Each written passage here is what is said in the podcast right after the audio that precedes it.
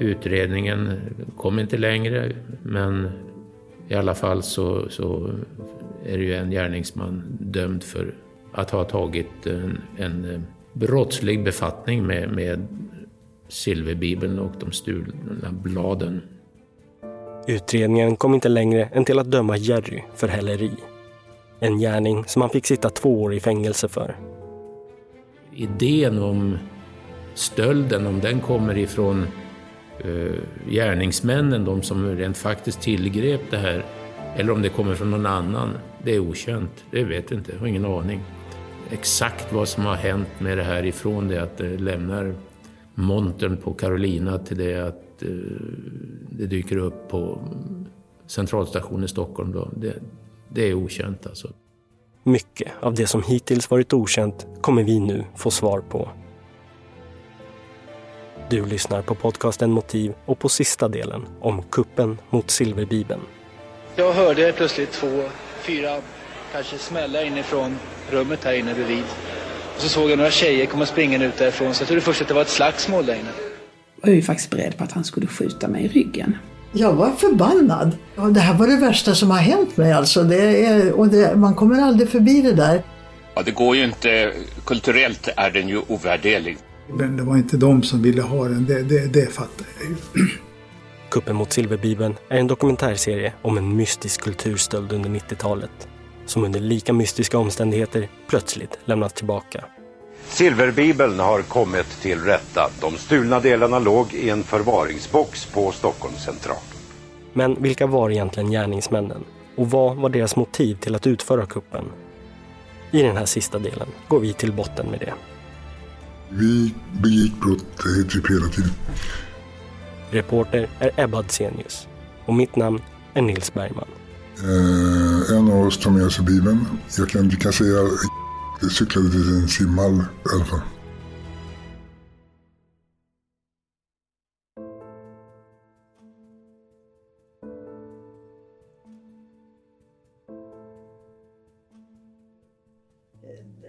Alltså sannolikheten att de skulle komma undan var väl väldigt liten.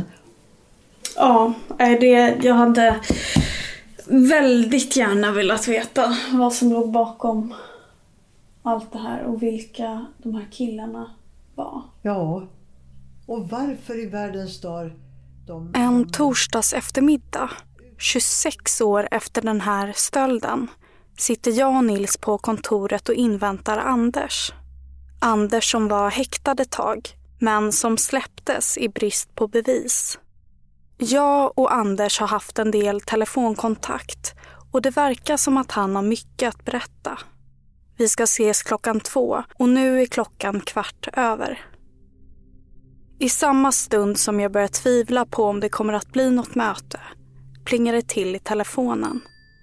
Han skriver “Jag är utanför”.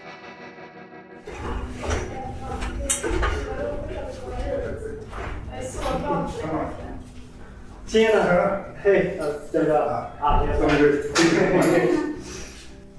Vill du ha något? Glas vatten? Ja,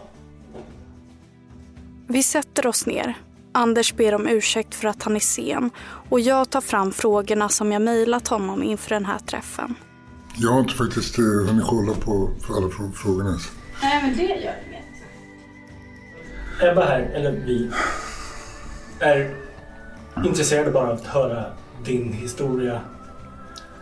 Vad du kan och vill berätta. Du behöver inte berätta någonting du inte vill. Men Anders ger inte intrycket av att vara speciellt blyg när det kommer till att berätta saker. Vet du vad Quattro är? Nej. Det är fyra år, f- 17 år, max fyra år. Eh, Det är måltavla, första var i Göteborg. Det kommer bli en sport. Till en början halkar vi lätt in på annat och emellanåt är det svårt att hänga med. Det är tydligt att Anders har levt ett liv som präglats av tung kriminalitet. Eller bus, som han själv kallar det. Och det livet verkar ha börjat tidigt. Det började väl där att jag, eh, eh, vi småbusade lite. Jag bodde hos morsan och mina föräldrar separerade. Och sen så skulle jag flytta till farsan då och han eh, lämnade mig hem, hemma i en villa i Täby. Och eh, var på, ja, jag fick typ ärva hans gamla jeans och så passade inte in riktigt. Så, så att eh, jag var väl 15 år när jag gjorde mitt första grova rån. Det var en kul grej med. Maskerad, jag var på Buttrick, köpte en dödskallemask. och eh, eh, sen eh, min kompis farfars hagelgevär såg jag av och, och oladdat. Åkte dit med stulen bil och livet i övrigt. Vi var busade. Vi, vi hade hela tiden stulna bilar som vi hade switchknappar och tryckknappar och körde från polisen. Det var liksom bara buskul. Så. Kan du berätta något mer om ditt liv?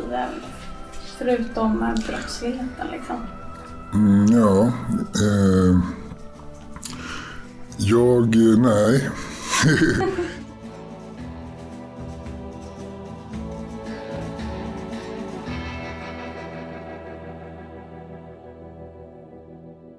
Men hade du några, vad hade du för framtidsplaner då? Liksom? Nej, inget. Inga planer. Nej. Jag var nog, jag ropade hjälp efter pappa. Vad är, vad är det? Det var nog rop. Så mm. kom vi fram till med psykologen på sen. Ja.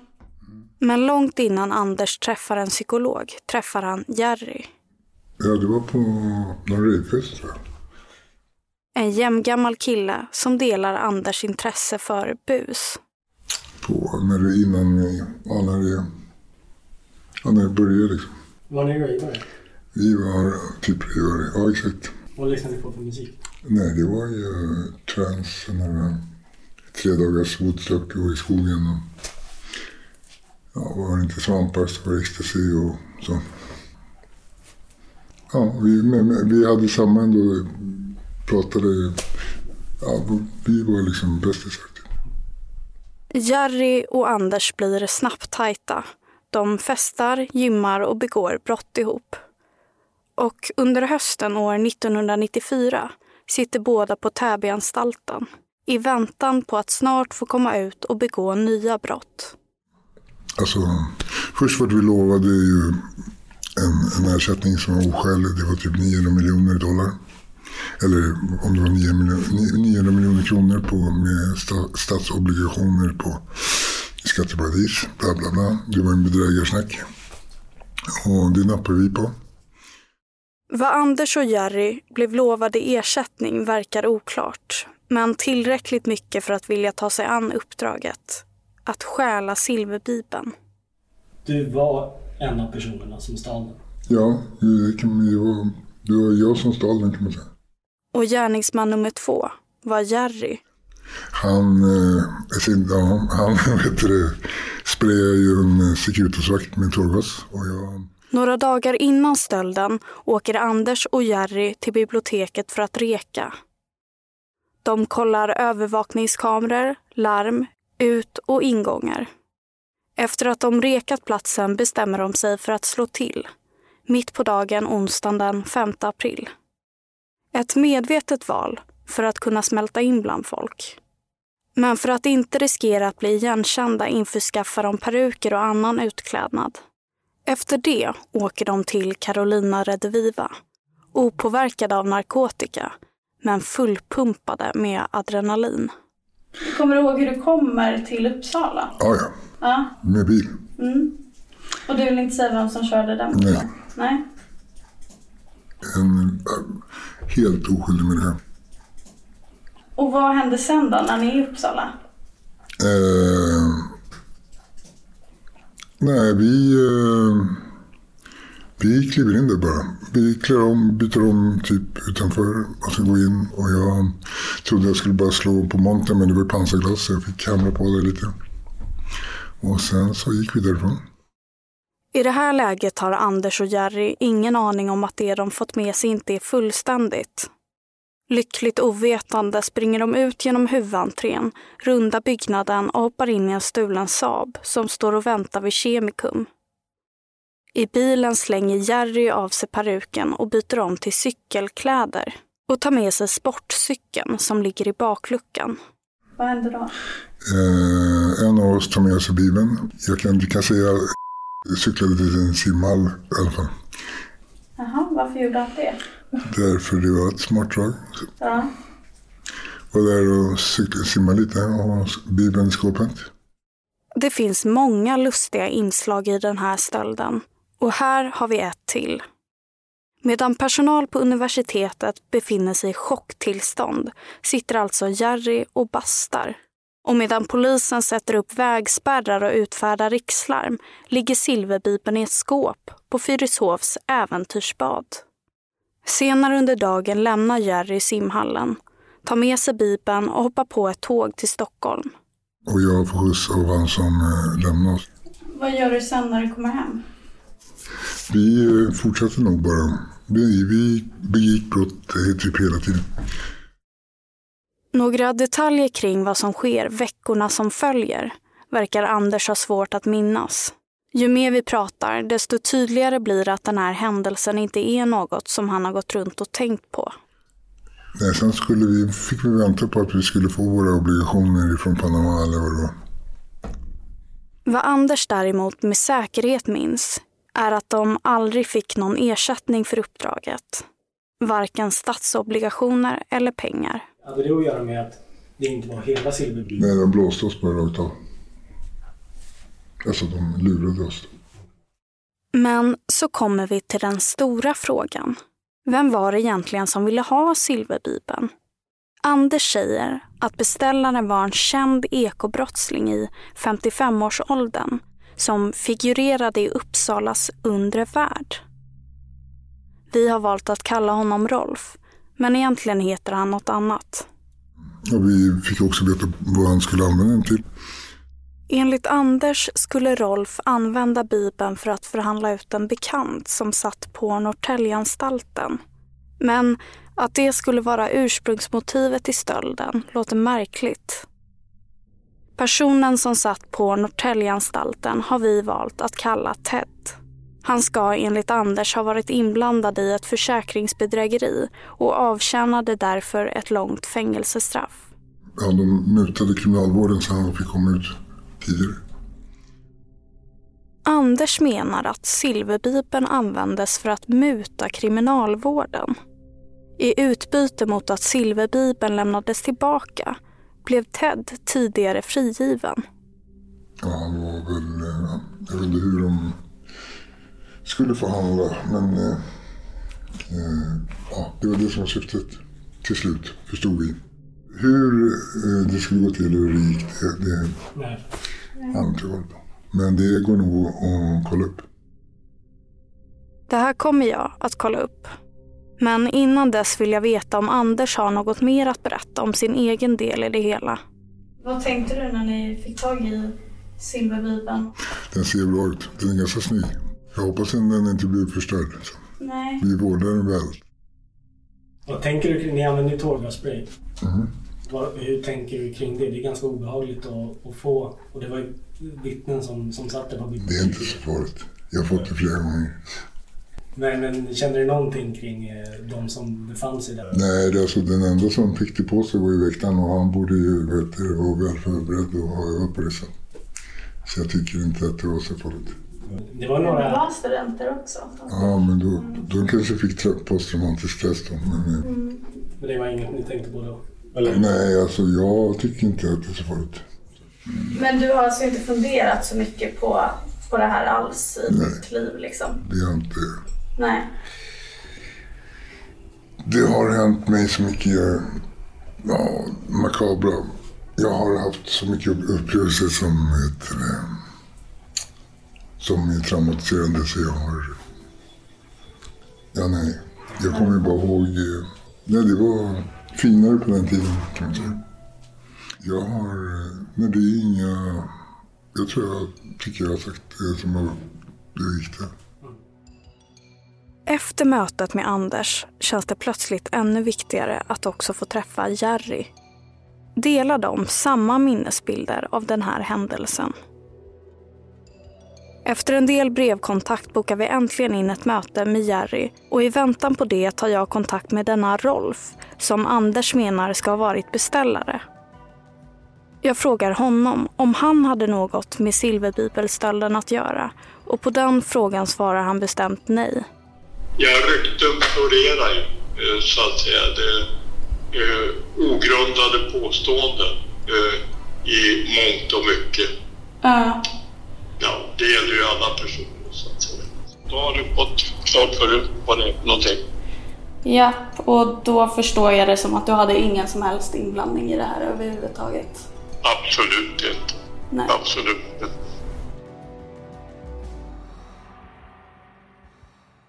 Några veckor senare befinner vi oss utanför anstalten där Jerry sitter. Jerry är dömd till åtta års fängelse för grovt narkotikabrott och beräknas komma ut år 2025. Centralvakten? Ja hejsan, jag heter Ebba Adsenius. Jag har ett eh, besök inbokat klockan nio. Okej, vi släpper in dig då. Håller du vänster nu kommer in till vänstra porten. Det finns två portar och det är den vänstra du ska till. Okej. Jag släpper in. Kriminalvården tillåter oss inte att spela in mötet med Jerry och anledningen till det säger de är personalbrist. Det enda vi får med oss in är papper och penna. Väl inne i ett av anstaltens besöksrum möts vi äntligen av Jerry. En vältalig och vältränad man i 45-årsåldern, iklädd grått. Vi småpratar i några minuter. Sen kommer vi in på det vi är här för att prata om. Jerry berättar att det var när han och Anders satt på anstalt ihop som de fick i uppdrag att stjäla silverbibeln. Uppdraget kom mycket riktigt från denna Ted som i sin tur hade en beställare i bakgrunden. Vem den personen var vet dock inte Jerry, men han tror att det var en konstsamlare. Jerry och Anders blev lovade 5 miljoner kronor i primär ersättning, ett betydligt lägre belopp än det Anders säger sig minnas. Jerrys minnesbilder kring utförandet av själva stölden stämmer väl överens med det vi tidigare fått berättat för oss av Anders. Däremot nämner aldrig Jerry att en tredje person ska ha väntat kvar i en bil och inte heller något om att ekobrottslingen Rolf ska ha varit inblandad. När jag frågar honom om just det låter han förvånad och säger att det inte är något han känner till. Men efter att Jerry badat och bastat på Fyrishovsbadet åker han hem och fotograferar Bibeln i Karinas lägenhet. Och under den närmaste månaden ligger den i tryggt förvar uppe på vinden. När det gått upp för beställaren att det inte rör sig om hela silverbibeln är beställaren inte längre intresserad. Ted tar då saken i egna händer och kontaktar Tommy Lindström som under 80-talet var chef för Rikskrim. Ted berättar för Tommy att han kan fixa tillbaka silverbibeln och Tommy medlar då mellan honom och polisen. Den 5 maj får Jerry i uppdrag att åka till Stockholms centralstation. Där låser han in bibeln i en förvaringsbox och slänger sedan nyckeln i en soptunna. Jag frågade om det var han som ringde till universitetets säkerhetschef och meddelade att bibeln fanns i box 198. Jerry säger att det inte var han. Kanske var det Ted som ringde. Som kompensation för att Ted fixat tillbaka silverbibeln ska han enligt Jerry fått frigång och eventuellt även en ekonomisk ersättning. Men Jerry och Anders får aldrig några pengar. Vi pratar vidare om tiden då Jerry satt häktad i väntan på rättegången för häleribrottet. Åklagaren Johnny Järlefelt beskrev ju Jerry som något självsäker och att de spelade ett spel med varandra. Och en av anledningarna till självsäkerheten var att Jerry visste att utredarna inte hade speciellt stark bevisning mot honom. Detta visste Jerry eftersom det fanns en tv i hans cell som var ur bruk. Men Jerry lyckas i smyg tjuvkoppla tvn och kunde därför hålla sig uppdaterad om vad som hände i utredningen. När hans flickvän Karina släpptes från häktet fick han då reda på det via nyheterna som han följde.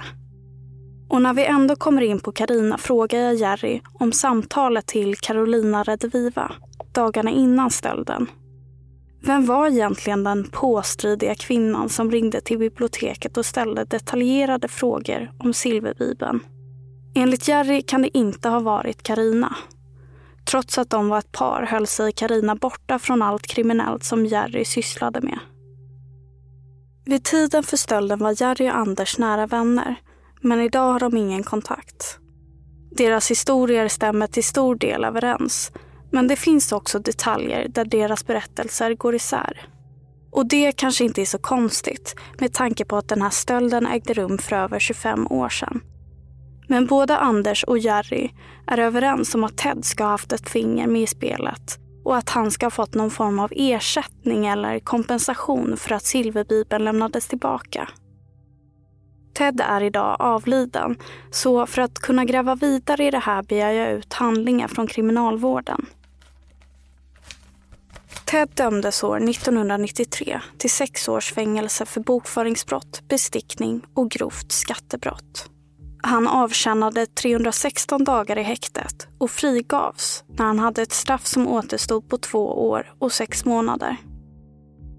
I ett beslut framgår det att Ted den 30 december 1996 blev villkorligt frigiven.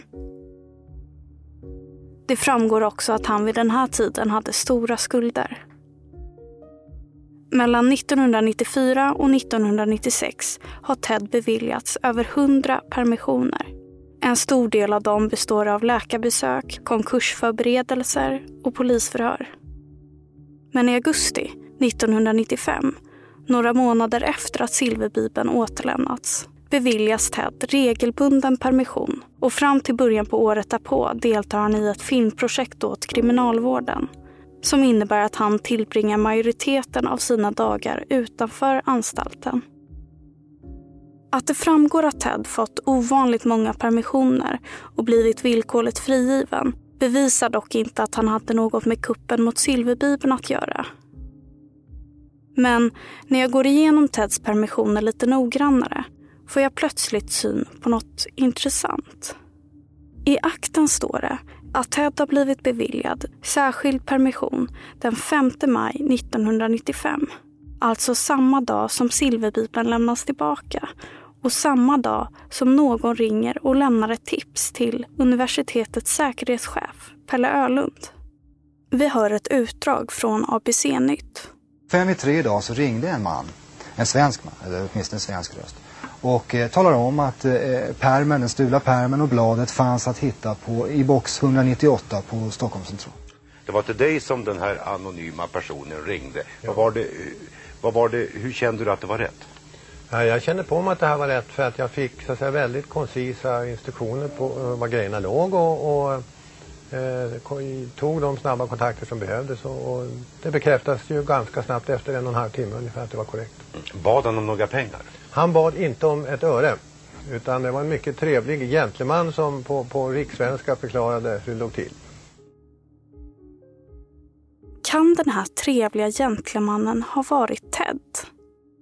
Mellan åtta på morgonen och nio på kvällen har han haft obevakad permission. Vistelseadress Norr Mälarstrand.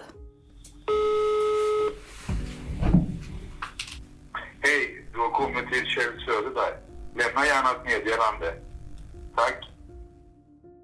Jag ringer upp spaningsledaren Kjell Söderberg. Under arbetet med den här dokumentären har vi varit i kontakt då Kjell har skrivit en bok om den här stölden. Eh, du, jag tänkte bara kolla med dig en sak. Det här telefonsamtalet som gjordes den 5 maj, samma dag som silverbibeln lämnades tillbaka. Ja. Varifrån gjordes det samtalet? Uh, Norr Mälarstrand var det nog. I Kjells bok står det nämligen att samtalet kunde spåras till en telefonkiosk vid Norr Mälarstrand i centrala Stockholm. Om det står så i boken så var det det. Det kommer jag ihåg bättre när jag skrev det än jag gör nu. Det var, det var bara ett samtal och sen så vet vi inget mer. Jerry berättade för oss att Tommy Lindström hade ett finger med i spelet när silverbibeln lämnades tillbaka. Mellan år 1981 och 1993 var Tommy chef för Rikskrim. Efter att Tommy hamnat i blåsväder fick han lämna polisen och började istället arbeta som privatspanare. Och länspolismästaren i Uppsala, Lars Nylén, hade en del kontakt med Tommy.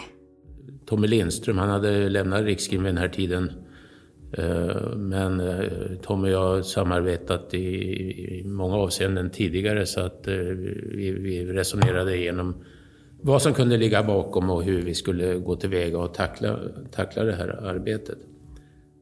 Att Tommy Lindström hade kontakt med polisen under silverbibelutredningen är ingen hemlighet. Det är något som Lars Nylén själv bekräftat. Frågan är dock i vilken grad Tommy Lindström egentligen var involverad. Kanske känner han till saker som vi inte vet. Ja. Ja, hejsan. Jag heter Ebba Adsenius och eh, arbetar med en radiodokumentär om ja. stölden av Silverbibeln. Innan stölden av Silverbibeln blev Tommy Lindström omtalad för sin roll i återskaffandet av den konst som stals från Moderna Museet år 1993. Då hade han ett formellt uppdrag från Statens konstmuseer. Det hade han inte när det gäller stölden av Silverbibeln. Jag pratade ju med lite olika människor då i det här sammanhanget. Under utredningen om Silverbibeln hade Tommy Lindström kontakt med Lars Nylén men även med polisens kontaktperson Pelle Ölund. Syftet var att hjälpa till med kontakter i den undre världen.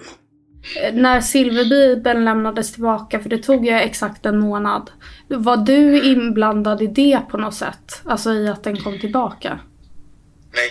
Nej. Jag vet bara det att det var, de insåg att det här var ingenting att ha. Och så gäller det bara att det skulle komma tillbaka på ett vettigt sätt. Men jag var inte fysiskt närvarande när det här lämnades tillbaka. Jag berättar för Tommy att vi har varit i kontakt med tjuvarna och att båda menar att Ted ska ha varit inblandad. Det visar sig då att Tommy och Ted kände varandra. Han var en rolig kille på många sätt.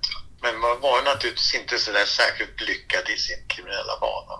Och var dessutom involverad lite grann i hälerifrågor när det gäller konst och sånt. Under 90-talet hade Tommy och några poliser ett personspaningsteam som innebar att de åkte runt och pratade med kriminella om bland annat konststölder. I samband med det hade Tommy en del kontakt med Ted. Jag berättar om de uppgifter som gärningsmännen givit oss och det här är Tommys reaktion. Vem skulle ha gett tillåtelse till det här? Det måste ju alltså ha varit någon på polissidan högt upp mm. som då hade förmått kriminalvården att släppa ut eller ge honom frigång, alltså permission lite oftare eller att hantera honom snällare då när han satt inne. Va? Mm. Mm. Men, men det, det, här ska ju... Lasse Nylén kan möjligtvis ha någon aning om det har funnits en sån här historia, men det kräver ju att någon på hög polisnivå diskuterar med kriminalvården om att man ska då släppa ut eller göra det och det. Jag har frågat dåvarande länspolismästaren Lars Nylén om det här. Han säger att han inte känner till något och att han har svårt att tänka sig att något sånt skulle kunna ske inom kriminalvården. Det som möjligtvis kan möjliggöra en sån där sak, det är att inte var någon stor buse. Eh, det var skitsamma om man satt in eller inte satt in. Men du ska ha jävligt bra kontakter med dem på kriminalvården för att den ska funka. Jag frågar Tommy om han vet något om belöningen som utfästes i samband med stölden. En fråga som polisen aldrig velat uttala sig om. Men och, och de här pengarna som, det var ju 100 000 som utlovades i belöning. Vet du om de lämnades ut någon gång? Nej, det tror jag inte. Nej. För att väcka minnet till liv börjar Tommy bläddra bland gamla anteckningar. Jag kan se vilken tid ska det här vara. Måste vara 96 var den uppgiften ifrån. Och plötsligt hittar han något intressant. En anteckning från ett möte med Ted. Oktober 96. När sa du att det här, när stölden var? Den var 95 i, eh, i april. Det var, ja, Silverbibeln ja. Där sades det ju då, det var um, själv som sa att Silvervin stals på uppdrag av tjecker, men att tjeckerna inte ville ha Bibeln när den var ofullständig. Då övertygade tjuvarna om att lämna tillbaka den till universitetet. Och skulle ha fått 35 000 av universitetets eh, eh, i uppgiftslämnarersättning. Enligt uppgifter från TED, som Tommy skrivit ner, ska beställarna alltså ha varit tjecker. Vilket kanske inte är allt för långsökt eftersom silverbibeln en gång i tiden togs av Sverige från Prag i slutet av 30-åriga kriget. Detta var dock för många hundra år sedan. Det hade han hört? Det hade han hört att det var. Och det sa jag till honom att det där tror inte jag ett dugg på. Om någon ersättning lämnades ut i samband med återlämnandet och i så fall till vem vill polisen fortfarande inte kommentera. Man kan ju möjligen spekulera lite grann över om det har skett förhandlingar. Eh, men det vill inte länspolismästaren varken förneka eller, eller bekräfta. En belöning på 100 000 kronor utfästes nästan omedelbart.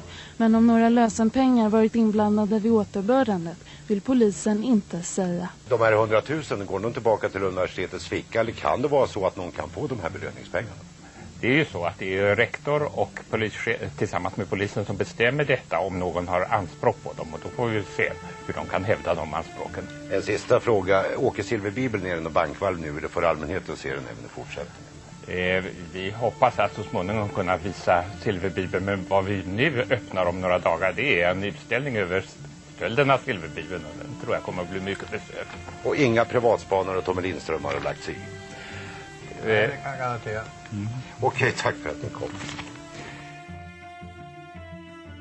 Du har lyssnat på podcasten Motiv om kuppen mot Silverbibeln.